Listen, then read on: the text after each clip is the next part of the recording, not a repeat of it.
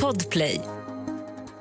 Redan nu kan du lyssna på samtliga avsnitt från den här säsongen på plattformen Podplay.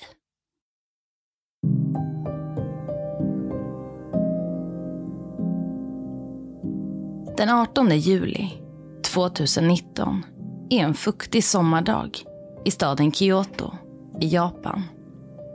Det är torsdag förmiddag och medarbetarna på Kyoto Animation Studio arbetar som vanligt, längtandes efter helgen.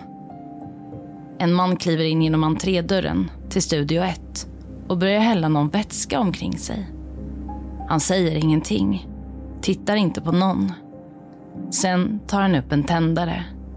30 sekunder senare exploderar Studio 1. Du lyssnar på Jakten på mördaren. Med mig, Saga Springhorn.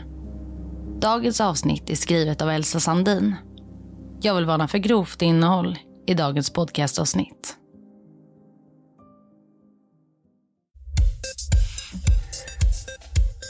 År 1981 grundades Kyoto Animation. En animeringsstudio baserad i just Kyoto i Japan. Studion är en av Japans största och mest välkända animeringsstudior och har gjort sig ett namn genom att producera animation av hög kvalitet som bygger på både det mystiska och det vardagliga. Studions mest populära verk är Free, mangaserien Kion och serien Violet Evergarden som började sändas på Netflix år 2018. Kyoto Animation består av tre områden. Studio 1, Studio 2 och Studio 5. Det är i Studio 1 som all animation, karaktärsdesign och så vidare sker. Studio 1 består av tre våningar och där arbetar ungefär 100 personer. Den 18 juli 2019 går dagens 70 medarbetare på Kyoto Animation till jobbet och fortsätter sitt arbete som vanligt. Omedvetna om att för några av dem skulle det bli deras sista dag. Klockan slår 10.31 och en man närmar sig Studio 1. Bakom sig drar han en hjulvagn med en bunt dunkar på. Fyllda med någon typ av vätska. Han går in genom entrén till byggnaden, plockar upp en av dunkarna och börjar hälla innehållet på golvet. Mannen säger inte ett ord till någon. Flera medarbetare på studion springer fram till mannen och undrar vem han är och vad han gör. Men han möter inte ens deras blick. Han fortsätter att plocka upp dunke efter dunke och häller ut innehållet över golvet. En dunk efter en annan. Han häller också vätska på väggarna, på möbler och till och med på några förbipasserande medarbetare. Ganska snabbt avslöjar doften som sprider sig omkring alla. Det är bensin som mannen häller ut. Nu börjar folk inse vad han har i görningen. Människor skriker och knuffar på mannen för att få hans uppmärksamhet. Men han är som förstenad, hypnotiserad i det han gör. Totalt bortkopplad från verkligheten. Han plockar upp den sista dunken med bensin och kastar vätskan omkring sig. Och nu också på sig själv. Det är också nu som han yttrar sina första ord. När han häller ut sista dunken så skriker han dö, dö flera gånger. Det är som att allt går i slow motion. Som att alla som står i entrén med mannen vet exakt vad som är på väg att hända. Mannen tar upp en tändare. Det uppstår en gnista och på en bråkdel av en sekund exploderar entréplanet på Studio 1.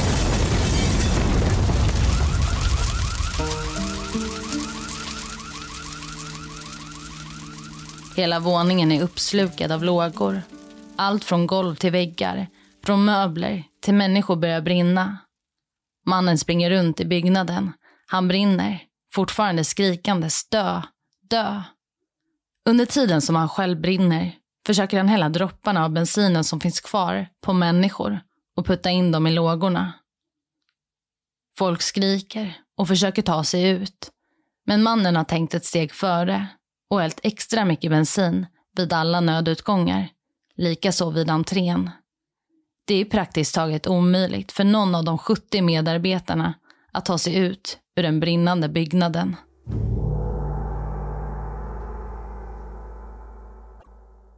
Och där stannar vi upp. För att vi ska få lite perspektiv på hur snabbt hela förloppet har gått så är det så att hela entréplanet, alltså längst ner, samt andra planet av Studio 1 är i lågor efter 30 sekunder. På andra våningen har ingen av medarbetarna någon aning om vad som precis har hänt på entréplanet. De har ju varken hört eller sett något. Ehm, efter ytterligare en minut är även tredje våningen, våningen högst upp i lågor. Så allt går ju i en väldans fart. Den här mannen har alltså gått in på Studio 1 klockan 10.31 och klockan hade inte ens hunnit slå 10.33 innan hela Studio 1 är slukad i lågor. Men studion är inte bara slukade lågor utan röken från elden är överallt och sprider sig enormt snabbt. Så det är väldigt svårt för medarbetarna att veta hur de ska kunna ta sig ut. Eh, många börjar dock inse att vi kommer liksom inte kunna ta oss ut genom entrédörren. Eh, så man börjar röra sig uppåt i byggnaden mot tredje våningen eftersom att byggnaden har en dörr upp till taket. Problemet med byggnaden är dock att alla trappor är spiraltrappor. Och om ni någonsin har sett eller gått i en spiraltrappa så vet ni att det är väldigt brant och väldigt smalt. Och det är svårt för fler än en eller två personer att gå i trappan samtidigt. Och Det är det som just nu händer i byggnaden. Ett 70-tal personer försöker ta sig upp för trappan samtidigt som röken och elden slukar allt omkring sig. Och på grund av röken så har människor svårt att se varandra och i och med den smala trappan så ramlar eller trampar många på varandra i ett desperat försök att fly upp mot taket. Röken börjar nu också att kväva människor på grund av kolmonoxider som är giftigt och som röken släpper ifrån sig. Så många svimmar och hamnar på golvet vilket gör det ytterligare svårare för människor att ta sig förbi och komma upp mot taket. Ja, vi går vidare.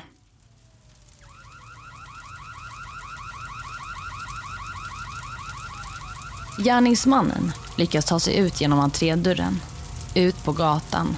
Han springer, fortfarande i lågor, cirka 100 meter från byggnaden. Han är på väg att fly platsen och kanske komma undan. Men två modiga medarbetare springer efter honom genom den brinnande entrén och tacklar honom till marken tills polisen kommer till platsen. Vittnen som både har sett och hört explosionen ringer till brandkåren som med ett 30-tal bilar snabbt kommer till brottsplatsen och gör allt de kan för att släcka branden. Bara att få branden under kontroll tar fem timmar.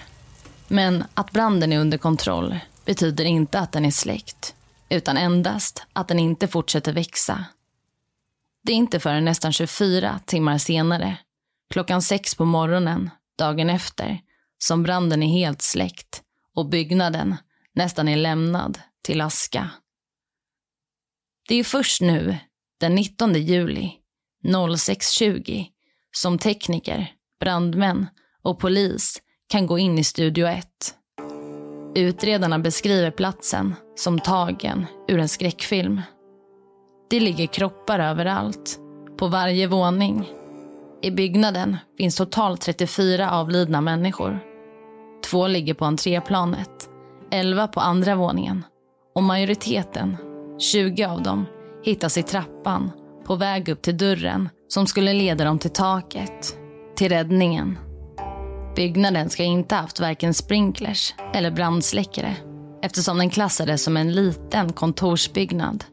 En inspektion som genomfördes i oktober 2018 ska dock inte ha visat på några brister i brandsäkerheten.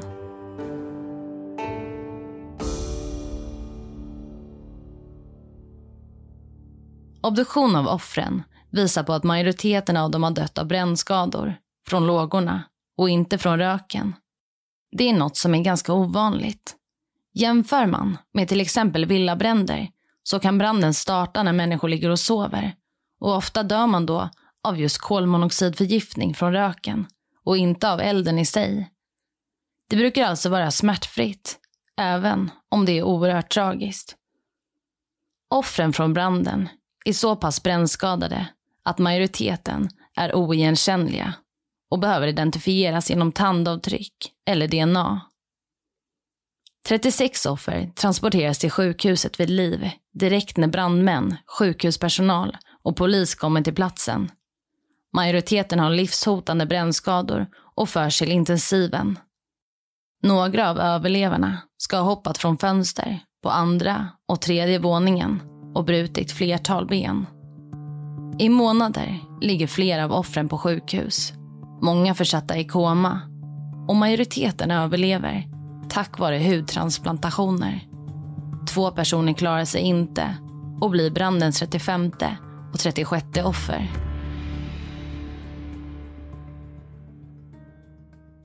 Och där tänker jag att jag ska stanna upp och berätta lite mer om massakerns offer. Majoriteten av offrens namn och eh, identiteter har inte publicerats offentligt.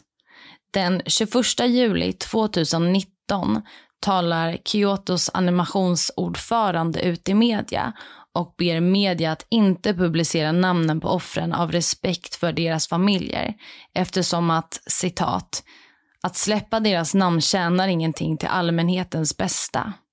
Slutcitat. Om familjerna själva vill gå till medierna med namn på deras familjemedlemmar så är det upp till dem. Och några familjer har faktiskt valt att gå ut med sina anhörigas identiteter. 49-åriga Naomi var färgdesigner och hittades på andra våningen. Direkt efter att hon tagit examen från universitetet så började hon jobba på Kyoto Animations. Det var hennes första och enda jobb och hon hade arbetat där i princip halva sitt liv när hon dog den 18 juli 2019. 47-åriga Yashihiro var regissör, animatör och manusförfattare. Även han hade arbetat på Kyoto Animations sedan han tagit examen från universitetet. 37-åriga Futoshi var animatör, regissör och karaktärsdesigner. Och det här är alltså tre personer som miste sina liv den där dagen 18 juli 2019. Kyoto Animations förlorade inte bara 36 medarbetare den tragiska torsdagsmorgonen. Mycket av deras arbete och innehåll gick också förlorat i form av datorer och hårddiskar som förstördes i branden. Det var bara några få saker som kunde återställas och studion gick back mycket i form av arbete och har fram tills idag, 2022, fortfarande inte lyckats publicera en del av projekten som de arbetade på under 2019. Och frågan kvarstår. Vem är mannen som har begått det här attentatet? Vi går tillbaka till den 18 juli. Tack vare de två modiga medarbetarna som hade sprungit igenom den brinnande entrédörren efter mannen och tacklat honom till marken så behöver polisen inte leta efter mannen när de anländer till Studio 1. Polisen tar över när de kommer till platsen. Men de får inte arrestera mannen eftersom att han har allvarliga brännskador. Han har ju inte bara satt eld på byggnaden och människorna där utan även på sig själv. Mannen transporteras till sjukhuset medan polisen söker runt i området. Det visar sig att mannen ska ha haft sex oanvända knivar på sig. Mannen förs till sjukhuset. Han är nu medvetslös och hålls i konstgjord koma för att man ska kunna behandla hans brännskador. Hans chans till överlevnad är låg och det krävs en enorm mängd operationer. Men det är inte bara han som ligger på sjukhuset utan även resterande offer från branden dessa får prioriteras över gärningsmannen.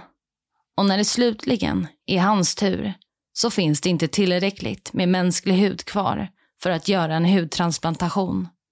Han blir därför den första personen i Japan att få hudtransplantation från konstgjord hud.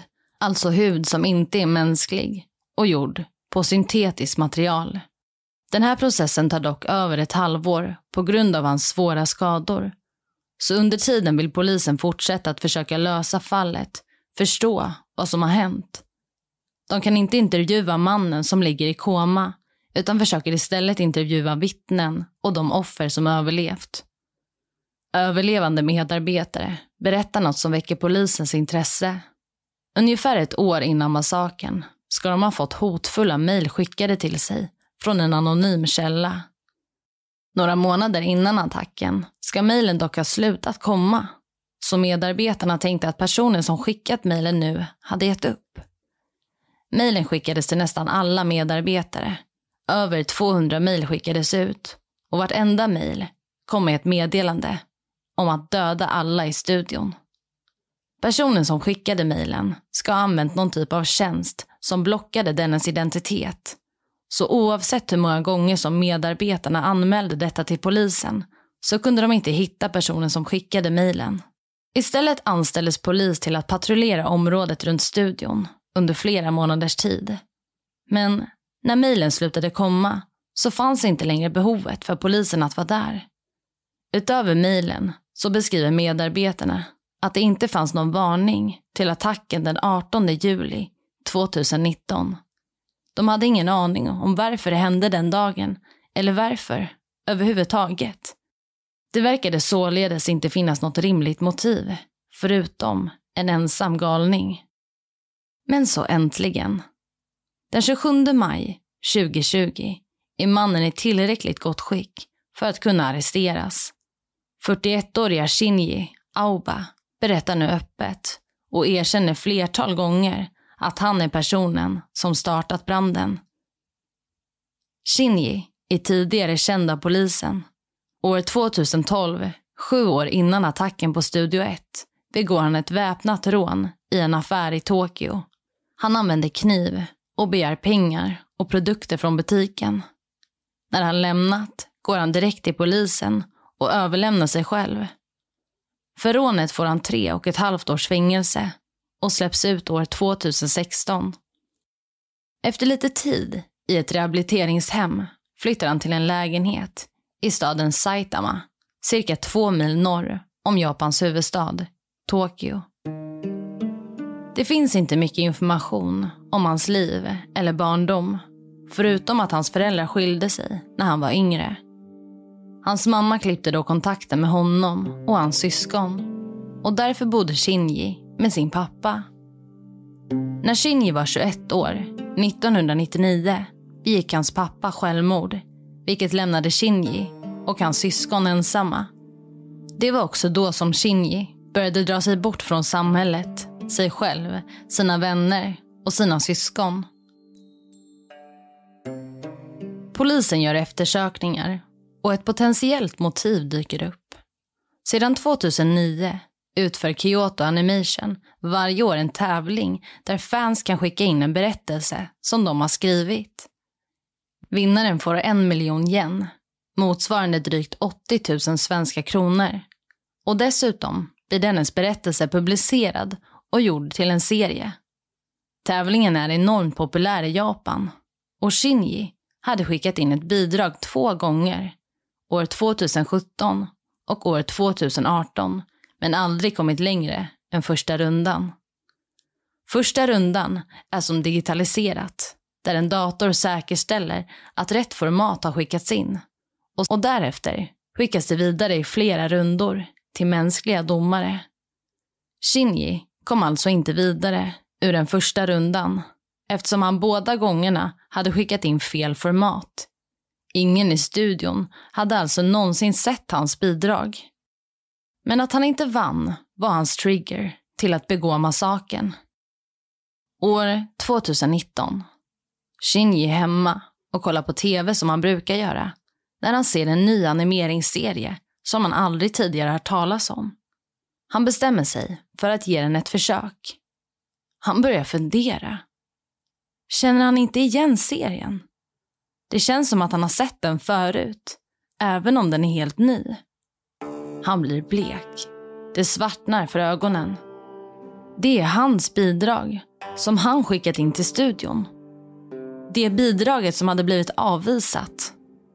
Eller, det var det studion hade sagt i alla fall. Hade de snott hans idé? Han blir rasande. De hade ju sagt till honom att han inte hade gått vidare. Men så hade de snott hans bidrag och gjort det till en tv-serie utan att varken ge honom pengar eller äran för det. Han måste göra någonting åt det här. Och det är nu man tror att Shinji börjar skicka ett dödshot på mejl till alla medarbetare. Men man vet inte säkert eftersom att mejlen hade skickats flera månader innan och Shinji har heller inte erkänt mejlen. Man har som sagt inte kunnat få reda på personens identitet, den personen som egentligen skickade mejlen, eftersom att den använde sig av en tjänst som blockerade identiteten. Man har dock kunnat motbevisa att Kyoto Animations har snott Shinjis idé. Först och främst beskriver ordförande Hatta att det inte finns några uppgifter om bidrag som skickats in under Shinjis namn. I alla fall inte som kommit längre än den första rundan. Det finns heller inga likheter mellan serien som Kyoto Animations gjort, som visats på tv, och Shinjis berättelse.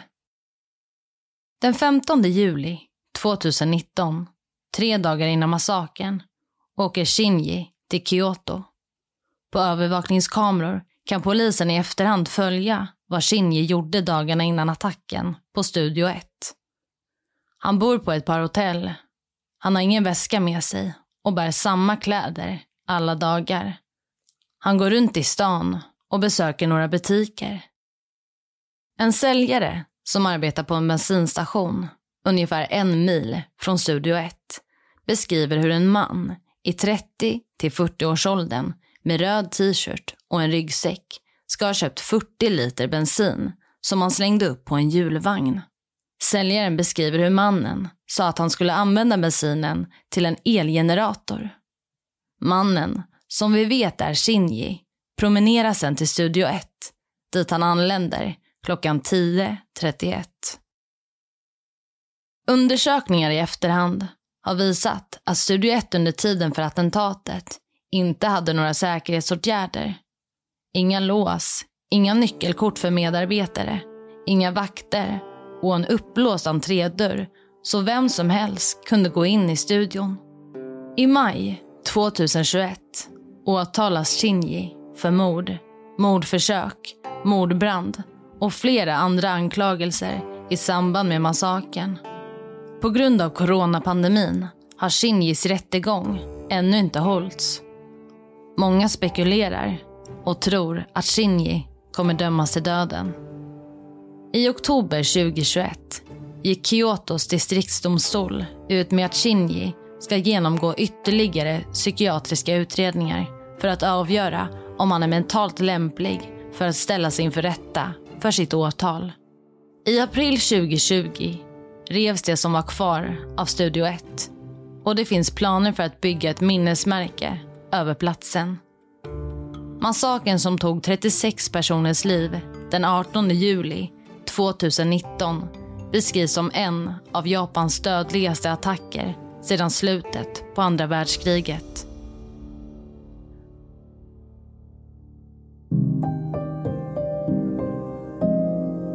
Och Det här var faktiskt sista avsnittet för den här säsongen. Jag vill passa på att tacka er som skriver till mig och tipsar om fall. Det betyder jättemycket. Det kommer fler säsonger det här året så att håll ut. Det kommer, men nu behöver jag lite tid att producera nytt. Tack för att ni har lyssnat på den här säsongen. Ha det fint.